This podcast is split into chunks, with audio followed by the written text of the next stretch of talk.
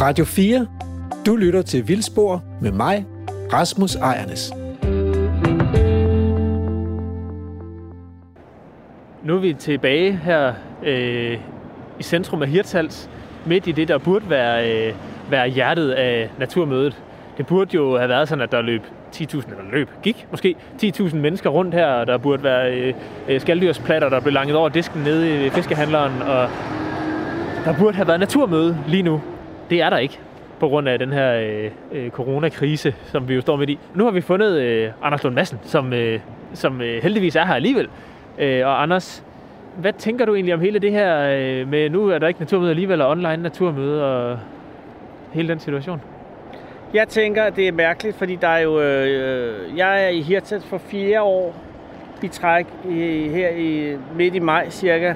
Og de tre andre gange har der været stedse mere fyldt op af mennesker, fordi vi startede øh, for fire år siden med det første naturmøde, hvor det var meget øh, småt, og så blev det større næste år, så blev det endnu større sidste år, og så nu er det ligesom forsvundet igen. Og her, hvor vi står foran øh, Hotel Hirtals, der er sådan en plads, og der plejer at stå sådan et stort, åndssvagt øh, telt, øh, formet som en fiskekutter, men som er fantastisk, og, øh, og, og der plejede jeg at, at sidde, eller plejede, det gjorde jeg nogle gange, og, øh, og jeg har sgu ikke set Hirtshals i mange år med så få mennesker. Der er også færre, at det her det virker som dag i januar. Jo. Det, det, det er lidt nedslående, men så midt i alt det, er det meget opløftende, at så, trods alt de gode mennesker har valgt at lave et, øh, et digitalt, online, virtuelt øh, folkemøde, hvilket ikke giver mening jo. For der er ikke nogen folk. Men, men, øh, men det er for ikke at lukke det helt ned. Øh, og det synes jeg, så det er derfor jeg er her jo, fordi jeg skal jo gå rundt med nogle, med nogle forskellige mennesker her i byen i løbet af dagen og lave noget, som man kan sidde og se på sin iPhone på et eller andet toilet i Nordvest, øh, øh hvis, hvis det er der, man bor. Øh, og, og, og det er bedre end ingenting. Men, men det er stadig, folkemøde er det jo selvfølgelig ikke, fordi at, at vi møder jo ikke folk. Og det er det, som er det gode. Øh, men det her, det er, hvad vi har. Det er bare træt til døden af, af, af den skide virus. Men ja. det, er jo ikke, det er også natur, jeg skal ikke, og jeg ved godt, fordi vi skal ikke gå ind i det, og, og, og, og der er ikke noget ond natur og god natur. Men bare inden for virus, så er vi jo lidt i grænselandet med, om det overhovedet er af liv eller ej. Ikke? Ja, man kan måske også godt sige, at der kan godt nogle gange findes træls natur. Ja, det kan der jo. Altså, jeg, jeg tænker på, at der er parasitter, hvor jeg også tænker, nej, det havde ikke behøvet at udvikle sig for min skyld. Men de er der. Øh, men jeg synes bare, inden for altså, ens naturforståelse, så er det virkelig at spænde elastikken med den her corona. Eller min søn øh, siger coronus, som jeg synes er et bedre øh, navn til virus, for det giver mere sygdomsagtigt. Som du selv siger, så har du været involveret i naturmødet i alle de år, det har, øh, har kørt. Hvorfor har det været vigtigt for dig at være med i det her projekt? Jamen fordi jeg synes, at det er øh, en, en indlysende god idé at prøve at få folk, som øh, godt kan lide naturen på den ene måde, til at mødes med folk, der godt kan lide naturen på den anden måde.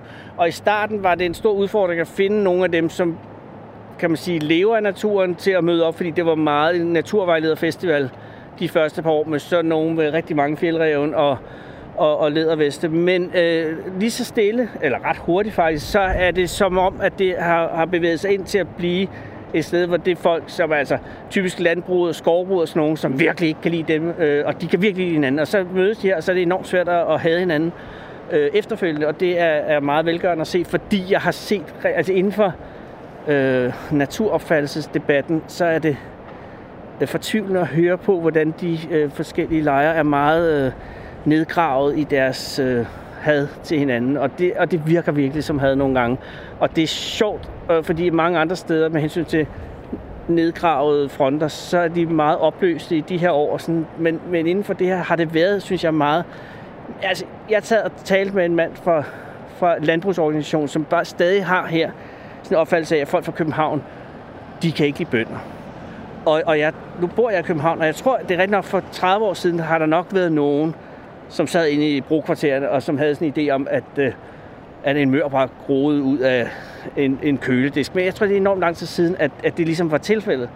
Men man har så de her billeder af hinanden, og det her er et godt sted for at få for at få blødt op. Hvis man havde lagt det her naturmøde i, i Roskilde, eller, eller et eller andet sted i nærheden af København eller Aarhus, så er det blevet noget helt andet. Men det, at man lægger det her i Hirtal, som er det fjerneste sted for København, rent mentalt og også fysisk næsten, Øh, det gør, at det, at det bliver på nogle andre præmisser, som jeg er virkelig glad for, og ærgerlig over, at jeg ikke er der i år.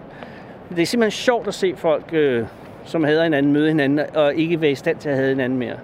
Og det var især sjovt sidste år, hvor vi havde sådan en partilederdebat, og hvor, og hvor der var virkelig gang i den. Og det var lige op til valget sidste år. Og, øh, og der var folk, som jo altså øh, var nødt til at tale med hinanden, og det er sket. At det ikke sker. Det er interessant, fordi at, at vi er jo nødt til, vi er så lille et land, og der er så mange mennesker, og der er så få pladser at bolde sig på, så vi er nødt til på en måde at have det til at fungere. Og det her, øh, jeg ved godt, det er ikke, ikke løst en weekend i, i maj i Hirtshals, men det er, altså, jeg har været på folkemøde over på Bornholm, det der, kan man sige, politiske folkemøde, lige siden det startede. Og det er mere noget, hvor det handler om, al respekt om, om, at de holder det, men det er meget noget, hvor det handler om også at snakke og snakke og snakke, og hvor jeg ikke helt har nogen idé om, hvad egentlig formålet er. Altid. Men her kan jeg mærke formålet, og det er simpelthen at få folk til at møde hinanden.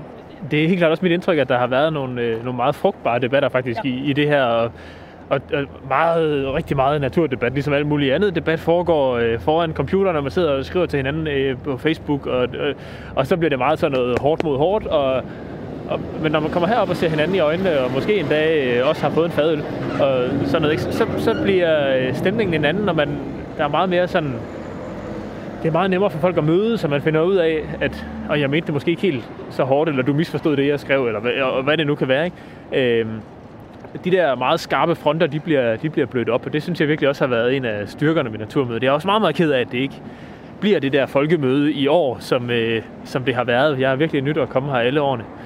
Øh, og jo virkelig glæder mig til næste år, hvor det forhåbentlig, øh, hvor den her coronus den er væk, og, øh, og, og, og, og det igen kan blive til, til et folkemøde. Men nu er det jo så øh, online ja. i år, Anders. Og hvad, hvad, hvordan er din rolle i det? Der, det er lidt ligesom mere at være, øh, øh, altså hvor I er radioværter, så er jeg sådan lidt en tv-vært i dag, hvor det er nogen forhåbentlig, der sidder og kigger på, at, øh, at jeg går rundt i, i Hirtals med forskellige mennesker. Først med Lea Wermelin, miljøministeren, og så med Flemming Fuglede fra øh, Bæredygt Landbrug, øh, så med, øh, hvad hedder han, Niels Havsgaard, øh, og øh, så laver vi også noget mad til allersidst. Så det, det er sådan en, øh, et, et forsøg på at lave nogle samtaler med folk, der har en holdning til naturen øh, i Hirtshals, øh, imellem at der er nogle debatter over fra København, og det vil sige, det er det jo heller ikke, fordi de folk sidder på deres øh, skærme rundt omkring, men Mette Valsted Vestergaard sidder over i København og, og er ordstyr for nogle mere sådan øh, øh, politiske debatter omkring det her. Så, så det er sådan et kittet mellem det, som jeg skal være. Og som sagt, så er det jo et, øh, et online naturmøde, så folk kommer ikke til at møde hinanden fysisk den her gang. Hvordan tror du så, det kommer til at gå med de her debatter i forhold til de tidligere år? Jamen, det, det, det bliver mere, øh, at det vil blive mere traditionelt selvfølgelig, fordi der er jo der er jo ikke dem til at høre på debatterne. Jo, de er der jo, men de, man kan ikke se dem. Og, og, og, øh, og det er det, der er det sjove eller interessante her, eller har været de andre år, det er jo, at når der sidder... Øh, det er også sjovt, de meget militant, militante natur elskere, som vil have, øh, som vil have bisonokser, og som vil have øh, folk, øh, befolkningen reduceret til en million og så videre. Og det er enormt sjovt og interessant at se dem blive udsat for virkeligheden, når deres, når deres, altså, så bliver deres øh, ekst, ekstreme holdninger øh, meget tydelige, når at det er, at de bliver spejlet i folk. Det er jo ikke, fordi folk sidder og siger øve og buge og sådan noget, men man, man, man er bare nødt til at sige de holdninger, man har inde i hovedet til nogle folk, og det er noget andet, end at sidde og skrive det, eller sige det på en skærm, fordi at, at du kan se reaktioner og se, ja okay, måske er jeg, måske er det ikke sådan, videre. Øh, så det vil være her noget, hvor, hvor der er folk, der taler til, til nogle andre politikere og til et kamera. Og derfor er det jo mere ligesom om, at det var i fjernsynet. Så det er et folkemøde bare uden folk. Ja, det kan jo lyde, det kan jo lyde paradoxalt. Jamen, det er coronas skyld. Men Anders, øh, nu, nu er det jo så, øh, som vi efterhånden har fået slået fast, et online naturmøde, ja. og der er ikke nogen øh, et online folkemøde uden øh, folk osv., men hvad, der er jo alligevel trods alt nogle debatter. Og hvad, hvad, hvad tænker du er det, sådan det mest interessante på dagsordenen i år? Altså, det er jo et underligt øh, år på den måde, at alting er, er parkeret henne under forbandet corona, så at, øh, det er noget med at minde hinanden om, at vi lige for lidt siden talte om klima, og lige for lidt siden talte om biodiversitet og om øh, mulighed for at få mere vild natur i, øh, i Danmark. Øh, og så tror jeg, at det, at det, det er ligesom om, at øh, vi er nødt til at genstarte de ting igen. Og det tror jeg også, at det vil være det, som sker her i løbet af, af det her online-forholdsmøde, at vi prøver at skubbe den virus ud af, af hjernen øh, for et øjeblik, for, for at beskæftige sig med de egentlige udfordringer, der er. Og der er det selvfølgelig, tror jeg, som det har været alle årene her i Hirtals, og som det vil være de næste mange år. Øh, det der med, hvordan får vi plads til mere vild natur i så lille et land, når vi er snart 6 millioner mennesker, øh, som alle sammen vil have en have. Og det, og, det, og det er jo en uh, diskussion, der er enormt sand, og som bliver mere og mere spændende, og som lød allerede for fire år siden, da jeg startede med det her, eller ikke jeg startede, da folkemødet, naturmødet startede her, der var det sådan en lidt uh, langhåret diskussion, men allerede nu er det, er det meget realistisk, og det er enormt øh, sjovt at høre, hvordan at det hurtigt er gået fra at være noget meget teoretisk noget med, at vi kunne, og så til hvordan gør vi. Så det er sådan mere øh, øh, metodeagtigt, i stedet for det er sådan noget med, I hvor kunne det være dejligt, hvis vi snart havde nogle Colorado-biler igen, eller et eller andet. Øh, så, så, så det er sådan øh, at få gang i, i, i, i bilen igen. Bilen er forkert ord, når vi taler natur. Elbilen. og det er jo faktisk, det er jo, det er jo sjovt netop det der med, vi fylder meget og haver, og vi har, øh, vi har øh, tidligere i den her reportage talt med, med Lars her fra, øh, fra Jørgen Kommune, ja. Lars Gro Nielsen, om hele naturkommunen blomstrer vildt, og øh, vi har været overset de mange spændende planter over på skrænten lige herovre på den anden side af trappen og sådan noget. Og det er jo et eksempel på noget, som hvor der faktisk bliver forsøgt på at give lidt plads, selvom vi har en have, og selvom vi har nogle grønne områder i byen, så forsøger vi på at få give plads til naturen, og det er jo, tænker jeg, er, er naturmødets, lige naturmødets ånd. Det er det, og det er nemlig også dejligt at se, fordi at da jeg hørte om de her ting med, kan vi ikke få noget mere natur ind i byerne og sådan noget, så lyder det så satans langhåret. Og det lyder, ja, nej, altså, tag over og se Yosemite, hvis du vil se natur, ikke? Men så, så det er i løbet af de seneste fem år, de ting, som jeg har set, som folk gør øh, på det der, som ligner lidt sådan, øh, det, det imponerer mig, fordi det bliver en, det fungerer på en eller anden åndssvag måde alligevel. Og jeg har lige set, der ligger på Østerbro i København, hvor jeg bor, der har de sådan en åndssvag rundkørsel. Og så er der en anden på kommunen, der har sagt, vi laver sgu en urskov her, eller hvad fanden det er. Det ligner, jeg ved ikke hvad. Og jeg tænkte, var de idiotiske? Men så nu er det færdigt, og det ligner, altså det, det er bare vokset. Man kan ikke se rundkørsel, fordi de har plantet alt muligt shit rundt omkring, og det ser fantastisk ud. Og det er sådan noget, jeg tænker, jeg vil aldrig have troet på det i teorien, men i praksis, det fungerer fandme. Og det er et spørgsmål om, at jeg faktisk er lige ved at tro, at man godt kan lave et land i det her land, hvor der er plads til natur. Og det havde jeg ikke troet for fem år siden. Altså det troede jeg, at, at, at, at det var det er jo det mest domesticerede land i hele verden. Og jeg troede ikke, at det var muligt at, at lave noget troværdigt. Og jeg troede, det med ulven var en joke osv. Men, men jo mere dage der går, jo mere tænker jeg, det kan sgu godt være. Altså, jeg har jo stadig en plan, som er lidt... Jeg tror ikke, tiden er moden til den endnu, men, men på et tidspunkt at udlægge Lolland øh, til natur. Og sige, og det er ud fra en helhedsbetragtning, jeg der bor på Lolland, hvis I skal være helt ærlige, vi ikke bo et andet sted.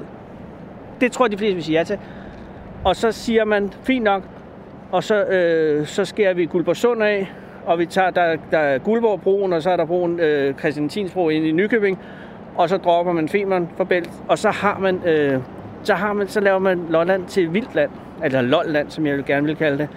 Øh, og så, jeg ved ikke med Knuttenborg, den er lidt ude der, men det, det er altså ting, synes, at man kunne godt lave øh, et land, hvor man simpelthen sagde, at vi sætter et stort område af til vild natur, og så har man kvote på, hvor mange der må besøge det. Det ville jeg aldrig have troet kunne være muligt. Men jeg tror, om 50 år, det kan godt være, det ikke bliver Lolland, men jeg tror godt, at vi kunne ende et sted, hvor vi har så scenarie, vi siger, at vi sætter noget af landet af, og lader det passe sig selv, og se, hvad der sker. Og det, det er fantastisk, at, at, øh, at, at vi kan lave en, øh, et liv, hvor det er muligt, hvor vi rent faktisk kan leve sammen med naturen. Det havde jeg eddermame ikke troet for fem år siden. Nej, det er Og det er alt sammen for, for naturmødets skyld. Helt klart.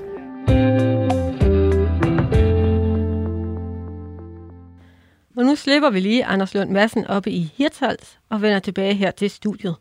Vi er ved at kigge på partilederrunden, de holdt i weekenden, og øh, der snakkede de nu om offentlige arealer. Hvordan får vi mere natur på de offentlige arealer?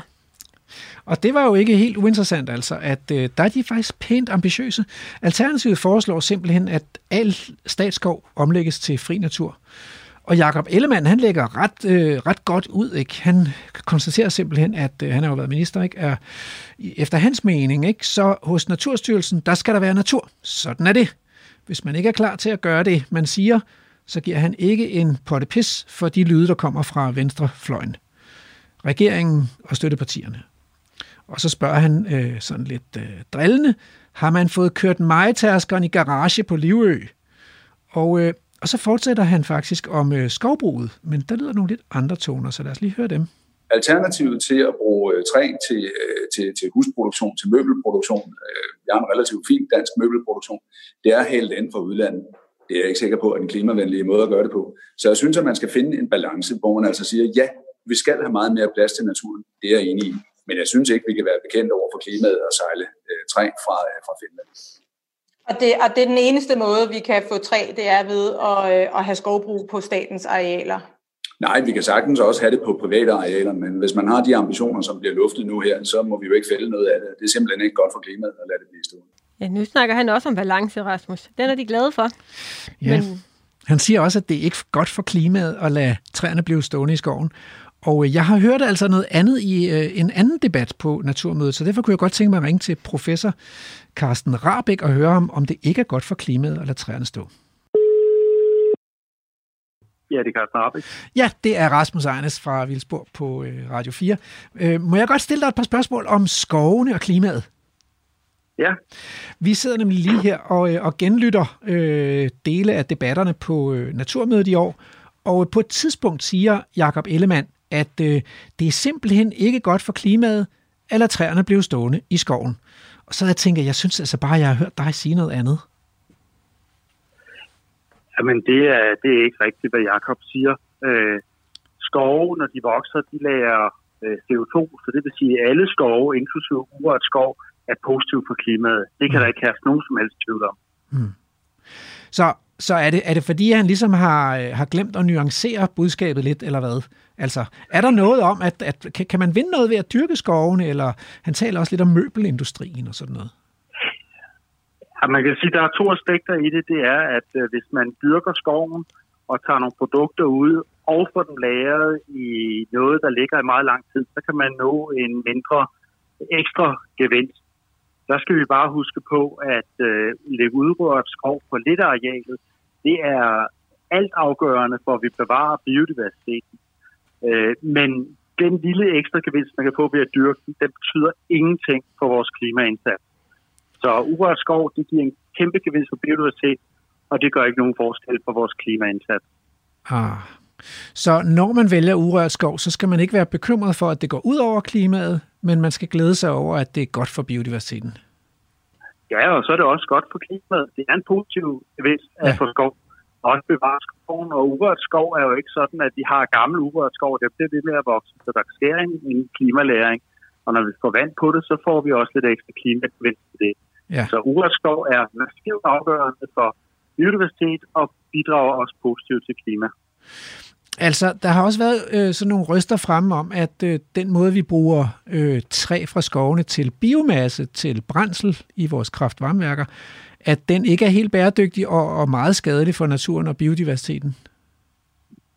Altså, den øh, forskellen på at fyre kul og biomasse øh, i forhold til øh, klimaet, det er, ingenting. Altså, det udleder begge to CO2. Ah. Øh, det, der så ligger en gevinst på, det er, at hvis man har en bæredygtig skovproduktion, hvor der er nye træer, der kommer op i tid, så kan man få en god gevinst. Så skal man bare huske på, at en stor del af det træ, vi importerer, øh, det er ikke øh, særlig bæredygtigt på den her punkt.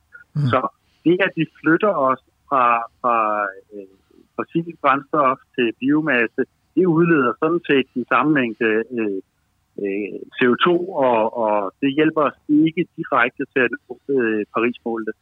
Når vi er så glade for det, så er det fordi, at tekniske årsager, så har man engang besluttet, at det ikke tæller med i CO2-regnskabet. Så der er mange lande rundt omkring verden, der synes, at Danmark snyder på CO2-regnskabet. Af for den. Tusind tak for de øh, meget præcise svar. Det var så lidt. Ja, tak. God dag. Hej. Hej. Nå, altså, øh, så kommer der faktisk en diskussion i den her partilederrunde mellem øh, Ellemann og Wermelin, hvor de diskuterer Livø, og det viser sig, at øh, at Socialdemokratiet har faktisk ikke tænkt sig at, øh, at øh, omgøre Ellemands beslutning om at stanse landbrugsdriften på de statsejede områder, og heller ikke på Livø. Men der gemmer sig lige en lille ting her, fordi øh, SF og Pia Olsen Dyr, de synes, at Livø det er sådan et sted, hvor man har et spændende eksperimentelt økologisk landbrug. Så det er ikke der, man skal starte med at lave vild natur. Øh, forstår du det, øh, Stine? Nej, helt ærligt, det forstår jeg simpelthen ikke. Nej, for, altså, Livø er jo Natur 2000-område, så hvis ikke det er der, man skal give plads til naturen, hvor i alverden skal man så give plads til naturen? Men, men vi kommer ikke rigtig i dybden i partilederrunden med, med Livø, så spørgsmålet er, om ikke vi skal simpelthen tage til Livø en dag øh, med vildspor. Det tror jeg, vi skal. Øh, men så lad os lige høre øh, Morten Østergaard, fordi han havde også et indlæg om statens arealer. Det er jo helt oplagt, at statens arealer er et fantastisk sted, hvor vi uden øh, og jo i virkeligheden øh, skal ud og købe landbrugsjord fra landmænd, der øh, øh, har dyrket det i mange år osv., kan komme nogle af de første store skridt. Og det var derfor, at, øh, at jeg øh, føler mig lidt øh, ramt også af kritikken af, at vi ikke gjorde nok på den første finanslov, fordi vi ville jo gerne, vi stod op i Gribskov og præsenterede vores udspil og sagde, at vi synes, det skal være det første fuldstændig vilde naturreservat, at vi tager statens arealer og udlægger 10 helt urørte områder nu og her, laver kortet, kommer i gang.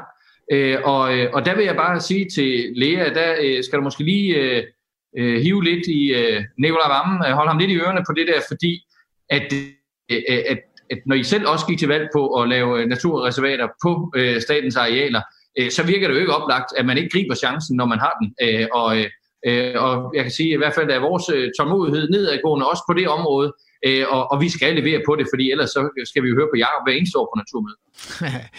altså, øh, det fortsætter så med mere kritik fra Mette Abelgaard, de konservative, øh, som kritiserer, at der jo var intet reelt naturindhold i Socialdemokratiets finanslovsudspil. Når der alligevel kom lidt med, så, var det, så kan man takke øh, støttepartierne for det.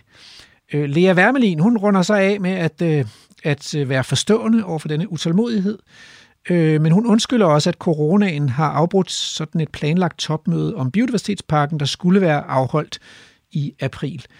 Og nu, og nu er jeg sådan lidt i syv sind, ikke? fordi jeg synes bare, at de siger alle de rigtige ting. Og, og Anders Lund Madsen i reportagen, han forklarede også, at, at han synes, at der, er sådan, der har været en fantastisk udvikling med, at folk de taler bedre sammen og sådan noget. Jeg synes bare ikke rigtigt, at vi får mere vild natur i Danmark, så nu kunne jeg godt tænke mig at ringe til Mette Valsted Vestergaard, som var moderator på partilederdebatten, og spørge, og hun har været med i alle årene, og spørge hende, øh, hvordan hun egentlig oplever det, om der sker noget.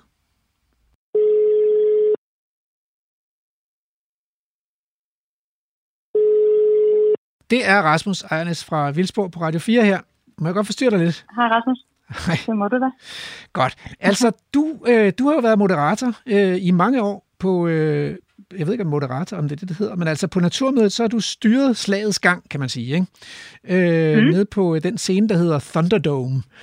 Og øh, ja. som, at det er det store telt, hvor man godt må, øh, altså man skal være, selvfølgelig være ordentlig over for hinanden, men man må godt mene noget, ikke? Jo, helt. Ja. Ja, helst mene noget. Og, øh, ja. og i år, der er det faktisk dig, der har stået for, for, for, for de her Zoom-debatter, øh, blandt andet partilederdebatten ja. og debatten i Miljøudvalget og sådan noget. Så jeg tænkte, at øh, øh, du har sådan en fornemmelse af, om, om, om, der er, om der er sket noget i løbet af de her øh, naturmøder, der har været i de sidste fire eller fem år, eller hvor meget det nu er. Jeg, jeg har ikke engang selv styr på det. Ja, det første var i 16, ikke? Så det var ja. femte, vi har i år. Ja, så, så altså, altså flytter det noget? Øh, og, det, og man kunne sige, øh, det kan være svært nogle gange at, at vide, hvad der er årsag og virkning og sådan noget, men, men, men i første omgang kunne jeg jo spørge, er der sket en forandring i den måde, vi taler om naturen på, fra det første møde i 16 og så frem til i dag i 2020? Ubetinget ja. Fedt. Det vil jeg sige. Altså, jeg synes øh, for det første, at vi taler om det. Øh, meget mere. Øh, det er klart, at øh, på dit institut og, øh, og, og de mennesker, som, som, som er i, i den kreds, har der selvfølgelig været talt om natur og biodiversitet i mange år, men, men øh, jeg tror, uden for den øh, kreds har det måske været lidt mere som så med det. I virkeligheden tror jeg faktisk, at vi, øh, vi havde et udgangspunkt, hvor der sågar var nogen, der måske havde lidt svært ved at sondre imellem en klimadebat og en natur- og biodiversitetsdebat. Og der synes jeg, der synes jeg virkelig, at vi har givet den debat liv. Jeg tror også, at vi har øh, fået oplyst en lidt bredere del af befolkningen om, hvor, hvor skidt det står til med biodiversiteten her i Danmark. Mm. Øhm, og så synes jeg, at vi frem for alt, så har vi fået sat det på tapetet, øh, helt oppe allerøverst øh, hos lovgiverne. Altså vi har jo, vi er jo gået fra, som sagt, at være den her måske lidt sluttede kreds, øh, som, som havde med det her at gøre. Ja, og vi, bestem, vi bestemmer jo ikke noget, altså, så vi er nødt til at have nogle beslutningstager med. De sidste, de sidste tre øh, naturmøder har vi faktisk haft øh, partilederne, landets partiledere på. I år havde vi statsministeren til at, øh, til at holde åbningstalen. Ja. Miljøministeren og statsministeren holdt i efteråret øh, et øh, stort møde på Marienborg, øh, statsministerens øh, embedsbolig, og, øh, og der blev øh, lagt i, i kakkelovnen til et naturtopmøde, og der er varslet en natur- og biodiversitetspakke fra den siddende regering. Mm. Det tror jeg, naturmødet har været med til. Mm. Men okay, så, så nu slår du en positiv tone an, og det kan vi godt lide her på Vildsborg. Men, men, men hvis jeg så må være lidt kritisk skeptisk her, så hører vi jo også en statsminister, der bruger meget af sin åbningstale på at tale om, om plastik, ikke? Øh, og det gjorde hun også på Naturmødet sidste år. Og nu har vi snakket med en havforsker, ikke? og plastik er ikke det største naturproblem. Det kan godt være, det er et miljøproblem, men altså, øh, det er ikke det største problem for havets biodiversitet, og det var heller ikke noget, de snakkede om i havdebatten i øvrigt på Naturmødet. Mm-hmm. Øhm, mm-hmm. Og, og vi har jo lidt udsigt også til sådan en lidt, og det indrømmer de også selv, øh, partilederne, en lidt boglam finanslov.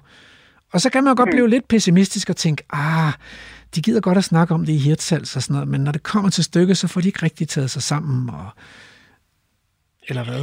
Ja, altså, jeg, skal, jeg, skal, jeg, jeg er journalist, jeg skal uddanne til at, at, at forsvare nogen som helst magthaver. Det er ikke min opgave. Nej. Men jeg vil dog sige, øh, nu ved jeg, øh, at, at der faktisk var input til det her naturtopmøde. Mm. Øh, det skulle ligge i april. Jeg skulle mm. selv have, have deltaget i det og have været moderator ved det. Mm. Og, øh, og, og det blev aflyst, fordi der er som bekendt ikke nogen, der kan mødes lige i øjeblikket. Mm. Øh, så på den måde må man sige, at der, der, der, det har haft sin grunde. Mm. Muligt, der kommer en boglam med finanslov. Jeg synes i virkeligheden også, det er lidt spændende at se frem imod, hvis der regulært kommer en, øh, en natur- og biodiversitetspakke, hvad der jo altså virkelig er lagt op til. Mm. Øh, ikke mindst fordi det er i sådan en, at vi så vil kunne få beskrevet, om vi skal have naturzoner, om vi skal have et biodiversitetsråd, osv., så om vi skal mm. have en biodiversitetslov lige frem. Mm. Det er jo sådan noget, der kan blive beskrevet der. Det er også der, vi, hvis vi, øh, hvis vi nu øh, er rigtig dygtige, og, og dem, der lobbyer for den slags, er rigtig dygtige, og, og de partier, der går ind for det, måske lige frem kan få sat nogle mål på, hvor meget plads det er, øh, mm. naturen skal, skal have her i landet.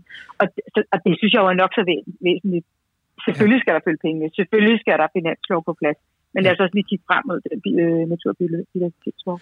Okay, så her til sidst vil jeg lige spørge, altså, øh, tror du, man kan få Venstre også, altså oppositionen, til at bide til bolle på sådan en ambitiøs naturpolitik, så det ikke bare bliver den ene fløj i Folketinget? Mm, nu er jeg jo ikke politisk øh, kommentator eller analytiker, så, så det vil jeg ikke gisne for meget op, men jeg, jeg vil da sådan, hvis jeg skal altså, bare inden for min egen øh, sfære og måde, jeg vil gå til det, hvis jeg skulle spørge mig om det, jeg synes jo altid, det er lidt interessant at se på, hvad, hvad landbruget siger i den sammenhæng. Ja. Ikke fordi landbruget er det samme som Venstre, men, men man formoder, at Venstre i et eller andet omfang varetager deres interesser. Og, og der synes jeg jo faktisk, at der er rimelig positive toner. Altså de vil jo, de landmænd, der skal afgive jord, vil gerne have noget betaling til den jord, men de er jo meget positive omkring hele al den her øh, jordfordelingsproblematik osv. osv. Mm. Øhm, altså Venstre har jo, de har jo været ret, øh, de, de, er jo ret interesserede i hele den her plan med at tage statens arealer til en start og gøre mm. det til, til, til urørt natur, øh, det disponeret og så videre. Mm, om de er villige til at finde de penge, der skal til øh, for at lave nogle fornuftige jordfordelingsaftaler. Det må tiden jo vise, men altså et eller andet sted, så jeg, jeg, er ikke, jeg, er ikke, jeg er ikke specielt pessimistisk øh, i forhold til, hvor man... Mm. Altså Venstre kunne jo være mange steder i på det her, øh, på det her og jeg synes egentlig, der kom nogle ret positive meldinger, både fra Jakob Ellemanns side øh, i partimødedebatten og fra Marie Bjerres side Dem, øh, i de øvrige debatter. Dem tager vi med videre. Tak skal du have. Ja, tak. Ja, hej. Jeg hørte altså også debatten i Miljø- og Fødevareudvalget, og der hyggede de sig godt, men det endte også med at komme til at handle rigtig meget om øh, jordfordeling og udtagning af landbrugsjord. Jeg synes lige, vi skal høre øh, Senja Stampe. Det summer bare ikke mere i vandhullerne, ligesom det gjorde for 40 år siden. Det er ikke nødvendigvis, fordi de, de, øh, de insekter, der før øh, summede rundt i vandhullerne, er de udrydningstruede. Men det viser bare, at der er et, et, et afsindigt og dramatisk tab af liv i øh, det danske land. Og der har jeg brug for at få skilt tingene lidt ad. Og der er jo ingen tvivl om, også når vi hører på, på biodiversitetsforskerne, at der, hvor det virkelig brænder på, og hvor der skal ske en meget hurtig indsats, det er jo i forhold til at få etableret mere urørt skov, flere store sammenhængende naturområder. Og der kan man jo sige, at vi heldigvis er hjulpet af, at mange af de områder ligger der allerede i dag og er ejet af staten. Det vil sige, det er et opgør med os selv. Fordi vi skal selvfølgelig finde pengene, fordi det er jo klart, at staten tjener færre penge, når man ikke øh, hugger skov, øh, træer ned og bruger øh, og sælger. Så, så, så, så der kan man sige, der er vi ikke ude og kæmpe med nogle andre, men der skal vi bare selv finde pengene. Men, men det er det, jeg tror, vi er mange, der er enige om. Der, hvor det bliver sværere, det er jo der, når vi egentlig snakker det, det, det generelle dyre planteliv i det åbne land. Der, hvor man skal samleve med landbruget. Og der, der vil jeg bare, der, der er en meget, meget vigtig debat her, som jeg ikke helt ved, hvordan, hvem står hvor. Fordi en strategi er jo, at man siger, at der, hvor der er landbrug, der skal landbruget bare have lov til at være så effektiv som overhovedet muligt. Fordi så kan vi måske omlægge noget mere landbrugsjord, der kan blive til natur, og så kan vi ligesom skille tingene ad. Natur et sted bag et hegn, landbrug et andet sted. Der tror jeg nok, jeg har det sådan, at vi skal også have et landbrug, der kan samleve med noget natur. Vi skal ikke have sådan museumsnatur, sådan, så der kun er natur om bag hegnet, øh, men der skal også være natur, når vi går en tur i det åbne land. Så for mig er biodiversitetsdagsordenen derfor, den har ligesom to ben. Den har både de truede arter øh, inde i den dybe skov, øh, men den har altså også, at når vi går en tur, eller vores unger de løber ud øh, langs øh, markvejen, så summer det, og de kan se forskellige vilde planter øh, og blomster i, i grøftekanten. Men det er to meget, meget forskellige ting. Det kræver to øh, meget, meget forskellige øh, typer tiltag. Under den her debat, så sender Morten D.D. Hansen fra Naturhistorisk Museum en invitation, hvor han simpelthen inviterer hele øh, miljøudvalget ud til Mols Laboratoriet. Og her på Vildspor blev vi nysgerrige og spurgte Morten D.D., hvorfor han inviterede dem derud. Hvad skal de ud og se? Og øh, Morten D.D. kunne desværre ikke være med her, men han har skriftligt svaret. Og hans svar kommer her, så I må forestille jer, at det er Morten D.D., der taler. Jeg følte en tiltagende frustration over, at natur- og biodiversitetsdebatten ender som en djøføvelse, hvor man nærmest vil lave indsatsplaner for alt. Vi skal hjælpe de rødlistede arter – og der er blevet 3 millioner færre fugle i Agerlandet. Det skal vi gøre noget ved. Og børn skal kunne gå af markvejen og se forskellige blomster. Og så snakkes der konstant om urørt skov, 10.000, 23.000, 75.000 hektar. 1,8 procent af landets areal. Og hvis debatten skal flytte noget, skal der altså først ændres på noget i vores hoveder. Vi skal lære at se vild natur som et mål, ikke som et quick fix, som vi skal sætte kryds ved, når vi har leveret x antal hektar. For Mols Laboratoriet er vi således gået bort fra indsatsplaner for forskellige arter. Vi er gået bort fra målrettet forvaltning af arter og naturtyper. Og vi deler ikke længere naturen op i skov og åbent land. I stedet har vi sluppet kontrollen så meget, som man overhovedet kan inden for lovens rammer. Vi taler om vild natur, en natur med store planteædere, hvor arterne selv får lov at bestemme, hvor de vil være. Hvor tingene blander sig, hvor vi bliver overrasket gang på gang. Hvor det ikke er vores ansvar at regulere på kryds og tværs. Hvis den ene art oplever fremgang, og en anden kollapser. Når vi har sikret rammerne for den vilde natur, hegn, store planteædere, naturlig hydrologi osv., må naturen selv klare ærterne. Vi accepterer, hvad der end sker. Kontroltabet er selve målet. Det er den eneste tilgang, der er et evolutionært perspektiv i. Vildhed er et koncept, der har virket i millioner af år. Det skal også nok virke den kommende million år. Der er til gengæld intet perspektiv i dyrkning af arter. Det går kun én vej. Det er kun et spørgsmål om tid. Når debatten om biodiversiteten i Agerlandet pludselig gøres til den store politiske stridspunkt, og børn altså ikke går tur af markvejen for at plukke blomster, der bor jo ingen derude, får jeg så lange løg. Selvfølgelig bliver der mindre biodiversitet på marken, når der dyrkes flere afgrøder. Det er jo altid konkurrence om pladsen. Det er biologiens første lov, som vi lærte for 20-30 år siden. Det er med andre ord ikke en meget, meget vigtig debat. Det er den vilde natur, hvor vi helt slipper tøjlerne, der er det store politiske fridspunkt. Det er det vigtige. Alt det andet er små detaljer, som aldrig nogensinde kommer til at gøre en reel forskel for vores biodiversitet. Vildhed transformerer landskabet, og det transformerer vores hoveder. Men det er desværre svært at formidle på skrift. Det skal man se med egne øjne, og det skal man se på Mols Laboratoriet. Derfor inviterede jeg udvalget. De skal opleve det. Fedt brev. Altså, skal vi ikke øh, simpelthen ile til øh, Hirtshals og se, om Emil og Lærke de har fået øje på en uh, toplærke? Det er mig, der er Lærke Sofie Gleup, og lige nu er du på reportage med mig og Emil Skovgaard Brandtoft.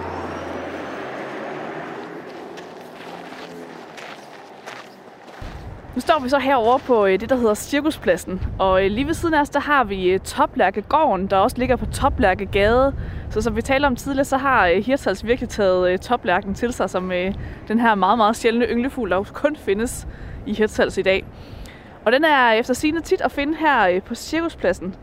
Og som vi også lige hurtigt fik nævnt, så er den jo pladsen her. Det er ikke en typisk græsplæne. Der er jo virkelig mange urter og ikke så meget græs i den. Så der er virkelig mulighed for, at der kan sprede sig gode arter herfra fra den her plads ud i nogle af de andre områder. Hvordan er tankerne ellers omkring cirkuspladsen her?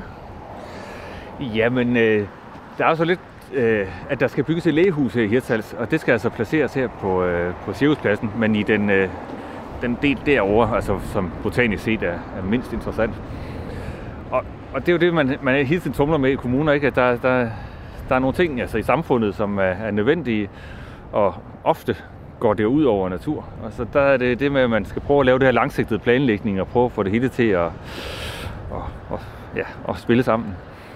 Øh, her der kunne vi ikke undgå, at det skulle, skulle være her, men så har vi så stillet nogle vilkår om, at, øh, at hele lægehuset, hele tagfladen, det skal simpelthen bestå af, af græstørv med, med hjemmehørende planter.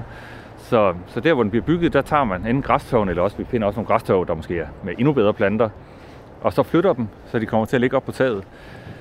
Og øh, for mange insekter, der vil de i hvert fald være ligeglade. Altså vilde bier for eksempel, de flyver lige så fint op på et tag, der er i sådan 2-3 meters højde, og finder dem der. Og vi håber jo også, at toplærken så øh, øh, stadigvæk kan bruge det til at, at, at finde mad i hvert fald. Måske endda også at have reddet det op. Øh, men nu vil vi se. Det, det er jo sådan nogle tiltag, man i hvert fald sådan, hvad kan man afværge tiltag, man laver ikke, så man, så man, når man laver sådan samfundsmæssigt nødvendige projekter, så, så tænker man også naturen med ind. Og så hele den del, vi står på nu her, øh, den bliver, bliver så urørt. Så det bliver så en del af, af hvad kan man sige, udarealet ved, ved den her, det her lægehus. Og hvis vi kigger ned, så kan man se, det er jo, det må man jo sige, der var et, et overdrev øh, med masser af forskellige blomsterplanter. Øh, kongepind og kællingetand og masser af langsætvejbred. Øh, så, øh, så det er selvfølgelig vigtigst at, at passe på det, der, der kommer også de flyvende en humlebi derovre, selv i blæseværet her. Øh, og engelsk græs selvfølgelig, en virkelig en karakterplante her, øh, som kan, kan tåle blæsten og, og salten i luften. Så, så alt det her, det bliver, det bliver bevaret, og så en lidt mere ringedel deroppe, øh, så, så bygger man så lægehuset, men så får flyttet, flyttet græs op på taget. Ja, men igen, som, øh, som med så mange andre ting her i øh, af de her, af de her tiltag, så bliver det spændende at se, om det virker, om, øh, om toplærkerne er tilfredse med, øh, med græstør på, øh, på, på taget af lægehus, som det kan bruges lige så godt som, som cirkuspladsen her. Om man ikke det kan det, altså det, det vil, jeg vil da gætte på, at det vil, være, det vil virke fint for, øh, for toplærken. Vi må i hvert fald håbe, at, det, at toplærken den bliver, bliver glad for det kommende lægehus og de tiltag, der bliver gjort for øh, at beskytte dennes levesteder, de steder, den finder mad. Men hvad er egentlig historien bag øh, toplærken? Altså, hvorfor er den blevet sådan en karakterart for byen her? Jamen, det er jo fordi, det er det eneste sted, den er tilbage i Danmark. Øh, så det, sådan er det altid med, med sjældne ting. At øh, de får jo vis status. Og så kan der være mange grunde til, at, øh, at dyr eller planter bliver, bliver sjældne. Og toplærken, det er virkelig en mærkelig historie. Det er jo egentlig en art, en steppeart, som er rigtig, rigtig almindelig i Sydeuropa og Sydøsteuropa. Og i forbindelse med industrialiseringen, hvor man byggede veje og jernbaner og fabrikker, så bredte den sig simpelthen op igennem øh, Mellem-Europa øh, og til, til Nordvesteuropa. Og den elskede de her områder, hvor man, man ryddede alle, altså marker og sådan noget, der kom bare sand frem med sådan lidt steppeagtige forhold. Øh, så, øh, så man ved, at man har bredt sig med, med, med jernbaner, og da, da man begyndte at bygge fabrikker. Så i ja, men i 50'erne, der var den faktisk rigtig almindelig i Danmark. Den var i alle de store øh, byer. Den var i Aarhus, øh, Esbjerg, og, altså alle de steder, hvor der var sådan store industriområder. Øh, og så lige så stille, så for, begyndte den at forsvinde fra alle de her steder. Øh, jeg tror, da jeg læste i, øh, i Aarhus, der kunne man stadigvæk høre den ude ved Skyby. Der, der var stadigvæk gang i en masse byggerier med Skyby øh, sygehus og alle sådan nogle ting derude. Og så lige der sidst i 90'erne, så forsvandt den derfra. Da jeg flyttede til Jørgen, der øh, var den om vinteren inde i Jørgen. Vi ved ikke helt, hvor den kom fra. Måske nogle fabriksområder i kanten af Jørgen. Men i hvert fald inde midt i Jørgen by, så kunne man så se toplærk om vinteren der. Og så i 2001, der var den også væk derfra. Og så tror jeg i 2007 eller sådan noget, så var det sidste sted, var tilbage, der var den forsvundet på Hanstholm og Hirtshals, Frederikshavn, de sidste steder. Der var det kun Hirtshals. Og det, jeg tror, grunden er, at Hirtshals er en meget driftig by. Der har hele tiden været nye øh, virksomheder, der blev lavet, og der er lige blevet lavet en godsbaneterminal, og alt sådan nogle ting. Man, man tænker egentlig, at det er en rigtig skadelig ting for naturen. Men lige for toplærken, så har det altså skabt nogle, øh, nogle levesteder. Så det her med, at det hele bliver til, til haver, og altså det her, hvor det hele gror op, det kan den ikke lide. Altså, den vil gerne have, at det, det ser sådan steppeagtigt ud. Så spørgsmålet er, om man overhovedet kan bevare det, ikke? Altså, det er meget, meget specielle forholdene er. Øh, der er en lidt sjov historie i, jeg tror, vi har arbejdet heroppe på, på, på Rådhuset til at starte med, jeg tror det var i 8 eller 9. Der var der kun to hanner tilbage, som så sad og sang desperat hernede. Og der tænkte man jo, okay, så var det så slut for, for topværken. Men så mirakuløst, så kommer der en hund flyvende til, og man jo ved ikke hvorfra. Men, øh, og så fik de unger, og så voksede bestanden op, jeg tror til 6-7 stykker. Øh, og nu tror jeg kun, der er tre tilbage, så vidt jeg har set de sidste, sidste observationer. Så igen, ikke? Altså, de er jo ekstremt sårbare. Ikke? Altså, hvis, øh, ja, der skal ikke meget til, så, så forsvinder de. Altså, og hvis der ikke kommer, kommer nyt blod til, så er der jo også de her indavnsproblemer og ting og sager. Så ja, det, er, det er altså en art, der er svær at passe på, ikke? Men heldigvis er den jo rigtig almindelig andre steder. Så måske er der andre arter, man skal, skal satse mere på at passe på, ikke? Men, det, men selvfølgelig er det specielt, fordi den nu kun er, er her, ikke? Ja, altså, man kan sige, for, øh, for mig er det jo her med, men, men naturmødet, er det jo blevet en tradition at komme til Hirtshals her midt i maj måned og få, få set toplærke. Altså det, det, jeg har aldrig set toplærke andre steder i Danmark end i Hirtshals. Den, den bliver jo indimellem set på, på træk en gang imellem, sådan et par fugle hist og pist, øh, øh, nogle gange om året. Øh, men det er virkelig, altså uden for Hirtshals er det jo, det er en virkelig sjælden fugl altså, i Danmark. Øh, så, så det er jo sådan et sted, hvor man kan komme op og opleve den der fugl der, sådan som det sidste sted. Og man kan sige,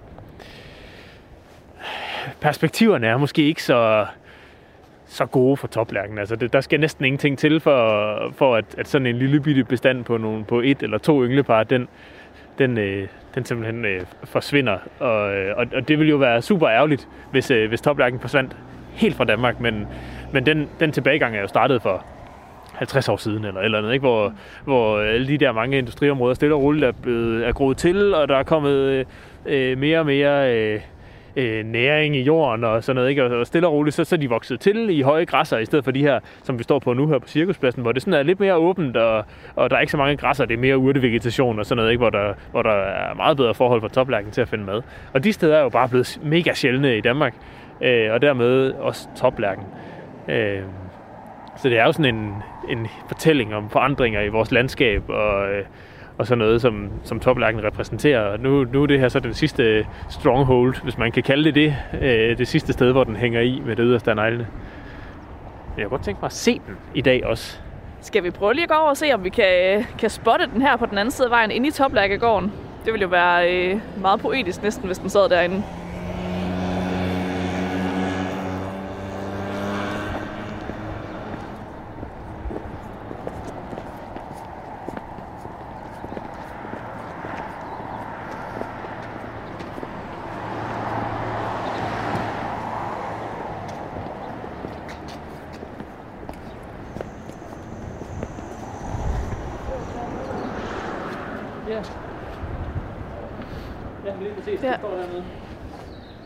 Simpelthen lige hernede, øh, jamen altså midt i Soplærkegården på, øh, på fliserne ved siden af en hæk. Den ja, synger også lige så fint.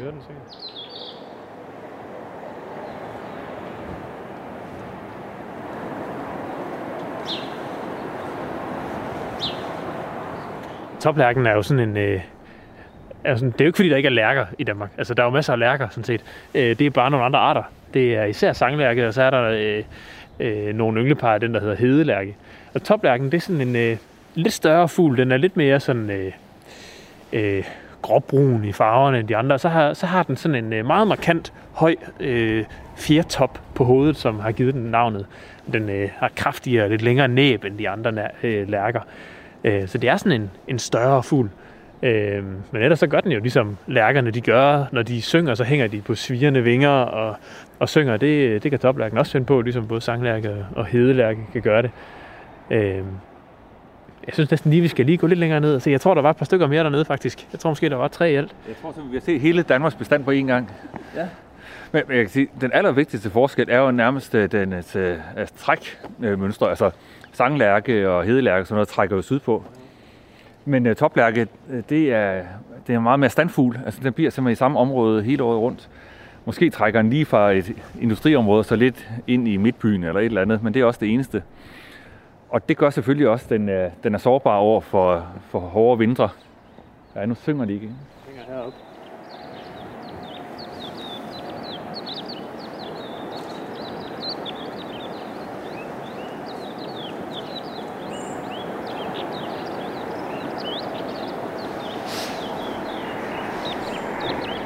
Men det er underligt, fordi den første, vi så her, ikke, den gik jo på nogle, øh, nogle brosten, eller ikke engang brosten, men fliser er det jo nærmest øh, i et fuldstændig almindeligt boligområde, som der bare findes tusinder af i Danmark. Så man tænker, okay, hvis den er her, hvorfor i verden er den så ikke øh, tusind andre steder i Danmark?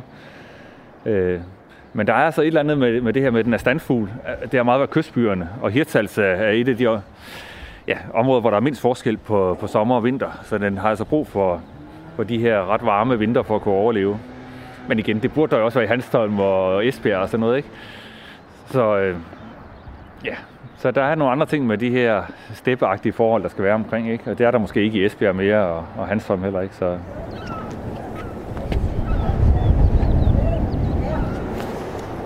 Ja, vi så topland lige her før, ja. Jamen, de er her hver dag, fordi jeg giver mad.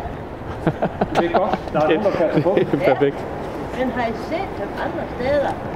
Nej, det er det eneste sted, vi er tilbage i Danmark jo. Ja, men de er her hver dag, men de har været der før. I skal gå omkring kl. 9. Så er de. Ja. Så er de venter på at få noget mad. Ja, ja. Nej, det er godt, at I passer på.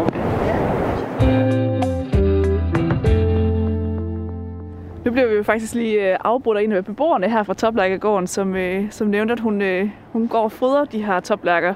Måske endda havde set fire på en gang. Det er jo dejligt, hvis der er så mange. Så fik vi lige bestanden hævet betydeligt. Men øh, hvordan har, øh, har folk her i Hirtshals og i Jørgen Kommune i det hele taget sådan ellers taget imod det her projekt, I har gang i med Naturkommunen Blomstre Vildt? Jamen, øh, altså som sagt, der er 330, der har tilmeldt sig, så det er jo rigtig, rigtig flot. Øh, men det er jo igen, det er jo virkelig en stor mentalitetsforandring, der skal til.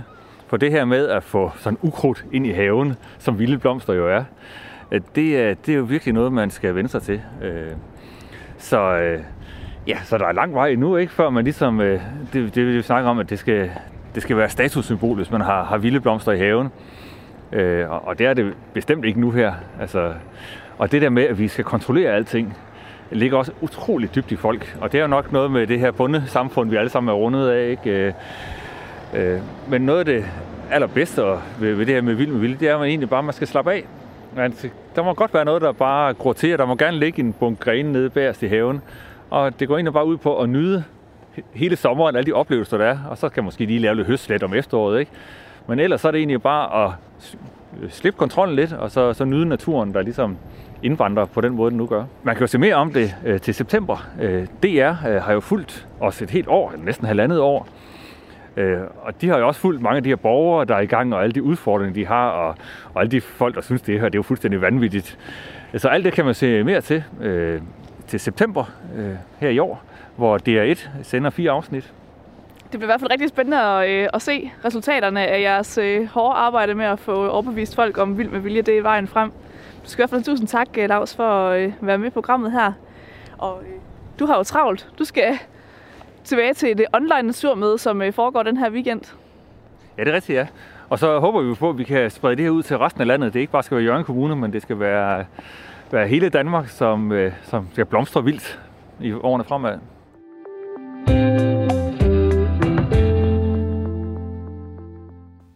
Så er vi tilbage i studiet, Naturmøde Special her. Jeg synes, vi skal egentlig runde den her af med at, øh, at lytte til et lille klip fra Naturdilemmaet, hvor Lea Korsgaard har Morten D.D., Bjørli Lermand og Frank Eriksen i studiet, og der er kommet et spørgsmål om en privat trappe i Nordsjælland.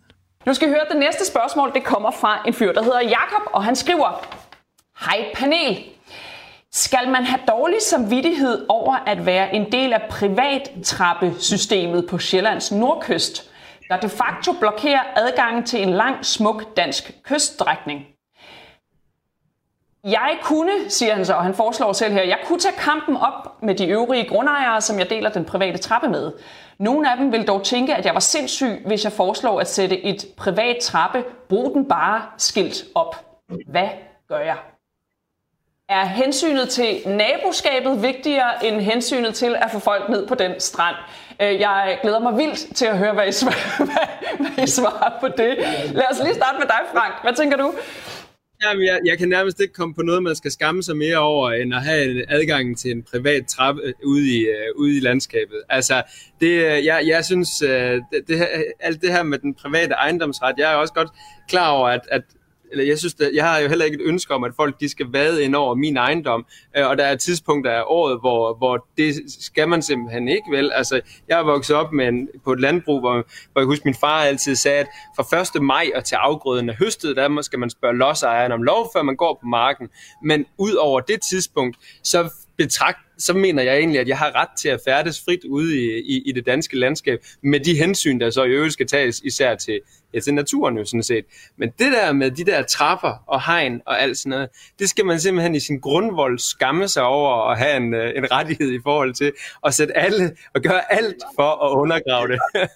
Hmm, hvad, hvad tænker du, Rasmus, om adgang til naturen? Jamen, jeg tænker, at, øh, at medmindre man har et, et privatliv, at det lige er tæt på, hvor man bor og har sin hus og sin have og sådan noget, så tænker jeg egentlig, at øh, alle, alle danskere burde have en, en første fødselsret til at kunne opleve den danske natur. Øh, hvis man kan opleve den, uden at man gør, øh, gør skade på, på det bund, man dyrker på sin marker, eller, eller skovejerne dyrker i sin skov, så synes jeg bare, at man skal have lov til at færdes overalt i den danske natur. Sådan en slags allemandsret, ligesom i Sverige, det fungerer udmærket. Og hvad med, det giver, tænker jeg, mere vedligehold på en trappe, som giver nogle ekstra udgifter. Det er vel ikke så mærkeligt, at ejeren ikke har lyst til det. Nå, men det er, fint. Det, det er jo fint nok, altså, hvis, hvis der er et eller andet, der koster en masse vedligehold, men der er jo masser af, af private fællesveje i Danmark, og dem lukker man jo ikke af for, at folk de kan køre igennem på cykel eller bil. Eller... Så jeg synes, som udgangspunkt, tænker jeg, det, det, det er et mindre problem, øh, at, at man skal holde det ved lige, hvis andre skal kunne bruge det. Øh. Vi, øh, jeg, er, altså jeg har flere gange været ude i naturen, og så har jeg tænkt, det her ser fantastisk ud, det kunne jeg godt tænke mig at opleve. Ikke? Og nogle gange så har jeg ringet til lodsejeren, og det sker ret tit. Og det har det også gjort, som, når jeg har været ude som forsker, at de siger nej, de gider ikke have nogen rente, altså, fordi at, øh, de vil have det for sig selv, og de er bange for, at der bliver opdaget et eller andet, så deres arealer bliver fredet. Det bliver jeg simpelthen indineret over i min grundvold. Jeg kan fuldt Der er ud også en forskel, tænker jeg på, at sige ja til en, der ringer og spørger, som enkelt person eller en gruppe, og så på at sætte et skilt op om, at alle frit kan benytte den. Ja, det er rigtigt nok. Men jeg kunne godt tænke mig sådan en almandsret. Nu skal vi til at, at runde af. Øh, hvad tager du med fra Naturmødet, Stine? Jamen, øh, jeg tager det med, at vi har en øh, stor formidlingsopgave foran os i at forklare, at mere plads til naturen ikke kun handler om at tage flere kvadratmeter ud, men det handler om at sikre den natur, vi har i forvejen. Så de arealer, vi tager ud, faktisk også bliver sikret. Det er jeg fuldstændig enig i, og den, jeg vil godt delvis tage den på mig, den der formidlingsudfordring. Og det, og det er jo også fordi, at man kan jo ikke træffe de rigtige beslutninger, hvis ikke man gør det på et oplyst grundlag. Så man er simpelthen nødt til at forstå, at vores eksisterende natur ikke er godt nok beskyttet, og det er der, de truede arter befinder sig. Så det er den beskyttelse, man skal sikre, og plads til de frie processer. Og så kan det godt være, at der kan komme nogle landbrugsarealer oveni, men det er ikke første prioriteten for den beskyttede og den truede natur i Danmark at få de der landbrugsjord. Så jeg er fuldstændig enig. Øh, og det kan man så håbe, at, øh, at det her naturmøde faktisk har bragt os et stykke videre. Men altså, mens vi, øh, mens vi havde Lærker Emil til at jagte toplærker op i øh, Hirtshals, så fandt Andrew sådan en, øh, en xylofon ved Sømandskirken, som han gav sig til at slå på, og det er det, det, der ligger lidt i, i baggrunden her, hvis I undrer jer. Øh, vores allesteds nærværende producer, Andrew Davidson.